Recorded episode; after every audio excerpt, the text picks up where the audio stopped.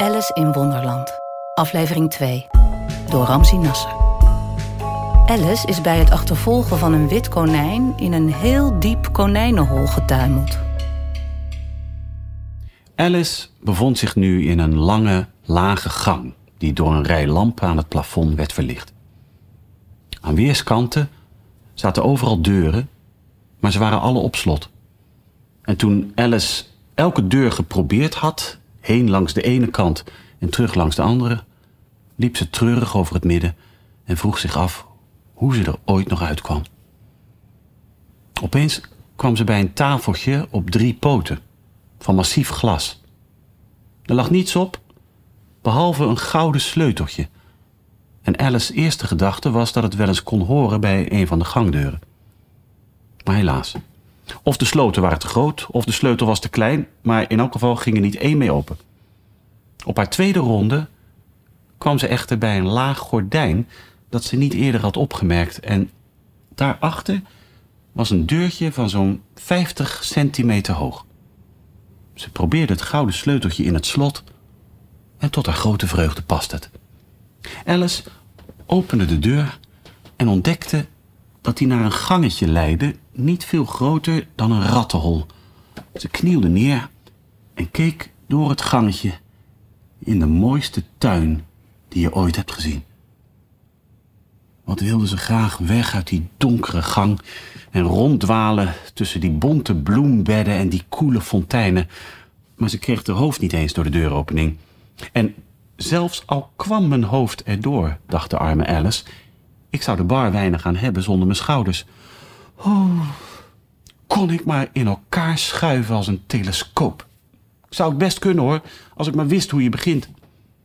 Want zie je, er waren onlangs zoveel buitenissige dingen gebeurd dat Alice was gaan denken dat maar weinig dingen echt onmogelijk waren. Het leek zinloos om bij het deurtje te blijven wachten, dus ging ze terug naar de tafel.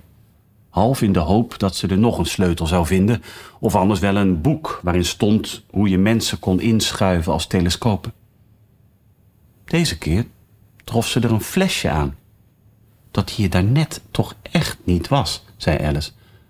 Met aan zijn hals een etiket waarop in grote mooie drukletters de woorden drink me stonden.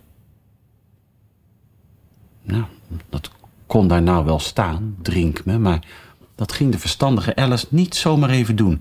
Nee, ik ga eerst eens kijken, zei ze, of er misschien vergif op staat. Want ze had diverse fraaie geschiedenissen gelezen over kinderen die verbrand waren. En opgegeten door wilde beesten en nog veel meer. Allemaal omdat ze het vertikte om even te denken aan de simpele regels die hun vrienden ze bijgebracht hadden. Bijvoorbeeld dat je je aan een wit hete kachelpook brandt als je hem te lang vasthoudt. En dat als jij je vinger heel diep snijdt met een mes, hij gewoonlijk gaat bloeden. En Alice had ook nooit vergeten dat als je maar flink drinkt uit een fles waar vergif op staat, het buitengewoon waarschijnlijk is dat je last krijgt met je maag, vroeg of laat. Maar op deze fles stond niet vergif. Dus waagde Alice het ervan te proeven.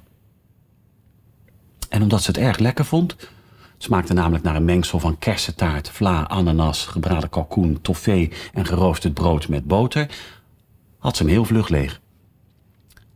Wat een merkwaardig gevoel, zei Alice. Volgens mij schuif ik in elkaar als een telescoop. En dat was ook zo. Ze was nu nog maar 25 centimeter lang. En haar gezicht klaarde op bij het idee dat ze nu de juiste afmetingen had om door het deurtje die mooie tuin in te gaan. Maar eerst wachtte ze een paar minuten om te zien of ze nog verder zou krimpen. Daar maakte ze zich een beetje bezorgd over.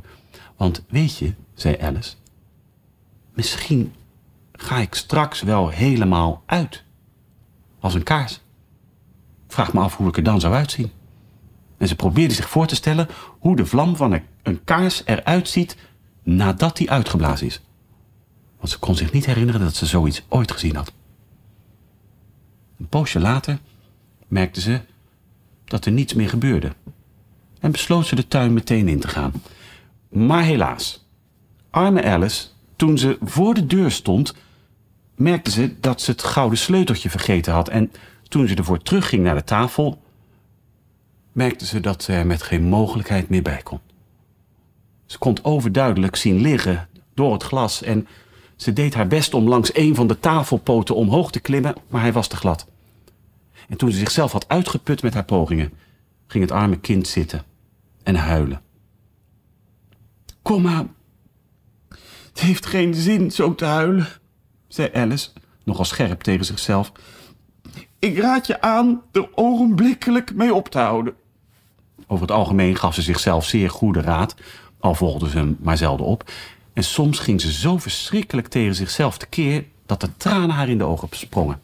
En eenmaal, herinnerde ze zich, had ze geprobeerd zichzelf een draai om de oren te geven. Omdat ze vals had gespeeld in een partijtje kroket tegen zichzelf. Want dit merkwaardige kind deed dolgraag. Alsof ze twee mensen was. Ja, maar nu heeft het geen zin, dacht de arme Alice, om te doen alsof ik twee mensen ben. Er is maar net genoeg van me over voor één fatsoenlijk iemand. Al gauw viel haar oog op een glazen doosje dat onder de tafel lag. Ze maakte het open en trof er een piepklein koekje in aan, waarop de woorden eet me waren aangegeven met krenten. Nou, dat doe ik, zei Alice. En als ik er groter van word, dan kan ik bij de sleutel. En als ik er kleiner van word, kan ik onder de deur door. Dus in beide gevallen kom ik in de tuin. Het maakt me niet uit wat het wordt van de twee. Ze at wat. En zei bezorgd tegen zichzelf. Wat van de twee? Wat van de twee?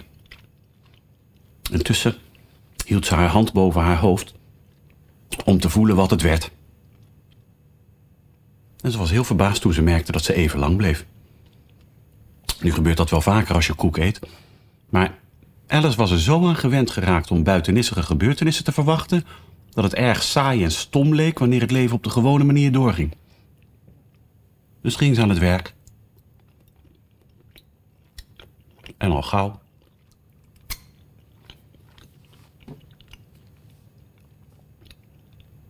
had ze het koekje op. De volgende aflevering wordt gelezen door Maria Kraakman.